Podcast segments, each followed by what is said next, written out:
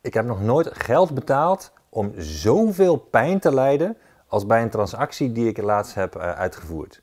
Ik had een, een massage geboekt bij een eh Thaise masseuse bij mij in de buurt.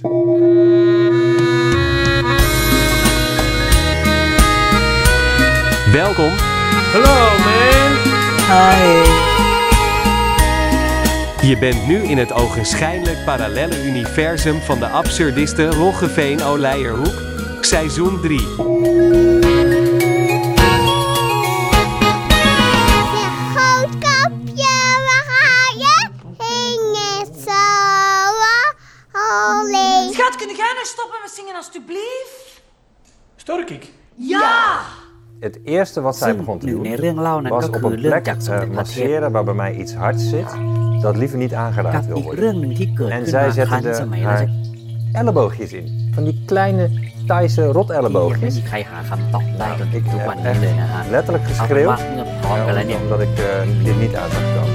เราก็มาย้อนเวลาฟังกับเรื่องราวดังกล่าวกันดีกว่า In 10 minuten tijd brengt u iets lekkers in de kamer. Goudhaantje, goudhaantje van Herman Kramer. Goudhaantje.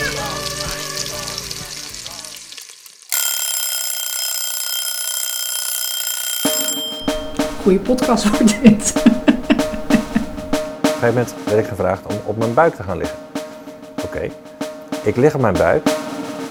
Wij vinden het eigenlijk eh, tijd worden dat de tunnel gewoon volgestort wordt met beton.